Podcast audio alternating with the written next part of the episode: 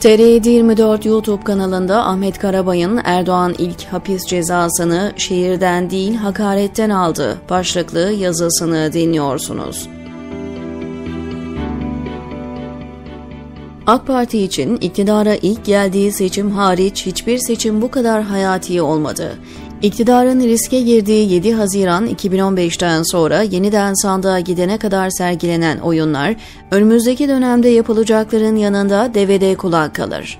Tayyip Erdoğan'ın siyaset tarzını bir süredir takip edenler, onun hedefe gitmek için denemeyeceği yolun olmadığını iyi bilirler. Erdoğan siyasi hayatı boyunca İtalyan düşünür Nicola Machiavelli'nin devletin başındakilere yönelik hazırladığı Prens adlı eserinde ortaya koyduğu ilkelerin iyi bir takipçisi oldu. Erdoğan'ın makyavelistliği, dindarlığı ve insanlığından önce gelir dense yanlış bir ifade olmaz. Çünkü onun için amaca giden her yol mübahtır. Erdoğan başbakan veya cumhurbaşkanı olduktan sonra böyle olmadı daha bu yola adım attığında nasıl bir siyaset izleyeceğini ortaya koydu. 27 Mart 1989 yerel seçimlerinde Refah Partisi'nden Beyoğlu Belediye Başkanı adayıydı. Seçimlere iddialı hazırlandı ve %21.7 oy alabildi. Yeniden sayım talebinin kabul edilmemesi ve kaybettiğinin kesinleşmesi üzerine yanındaki adamlarıyla Beyoğlu İlçe Seçim Kurulu Başkanı'nın odasını bastı. İlçe Seçim Kurulu Başkanı olan Nazmi Özcan'a hakaretler yağdırmaya başladı. Beyoğlu İlçe Seçim Kurulu'nda görevli üyelerinden 7 kişinin imzaladığı tutanağa göre Erdoğan İlçe Seçim Kurulu Başkanı Nazmi Özcan'ın yakasına yapışıp sarstıktan sonra şunları demişti. Şu haline bak sarhoş adam, şu adalete bak, kimlere kalmış, seni yakacağım, hepinizi adli tıbba göndereceğim, seni süründüreceğim, yakacağım, bunun üzerine polis nezaretinde Beyoğlu Adliyesi'ne getirilen Erdoğan tutuklama talebiyle 31 Mart'ta Beyoğlu 1. Asliye Ceza Mahkemesi'ne sevk edilince yanında bulunan avukatı Zeyit Aslan'ın uyarısıyla kaçıp kayıplara karıştı. Zeyit Aslan da bilgiyi yakından tanıdığı mahkeme katibesinden almıştı. Katibe, mahkeme heyetinin kararını öğrenir öğrenmez gidip hakim Tayyip Bey hakkında tutuklama kararı çıkarıyor dedi. Seçmen sonraki yıllarda bu Zeyit Aslan'ı AK Parti'den milletvekili olarak görecekti. Kamuoyu Zeyit Aslan'ı muhalefetteki kadın milletvekiline küfretmesi ve Ömer Faruk Emin Ağaoğlu'na uçan tekme atan kişi olarak tanıyacaktı. Erdoğan hakkında gıyabi tutuklama kararı çıkarıldı.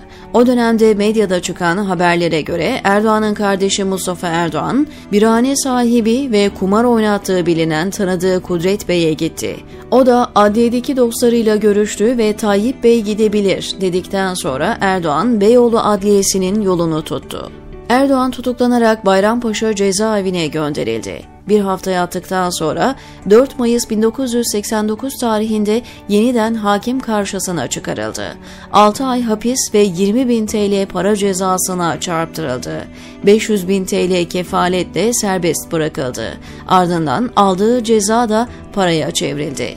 Tayyip Erdoğan 12 Eylül 2010 referandumundan itibaren kendini artık devlet olarak görmeye başladı.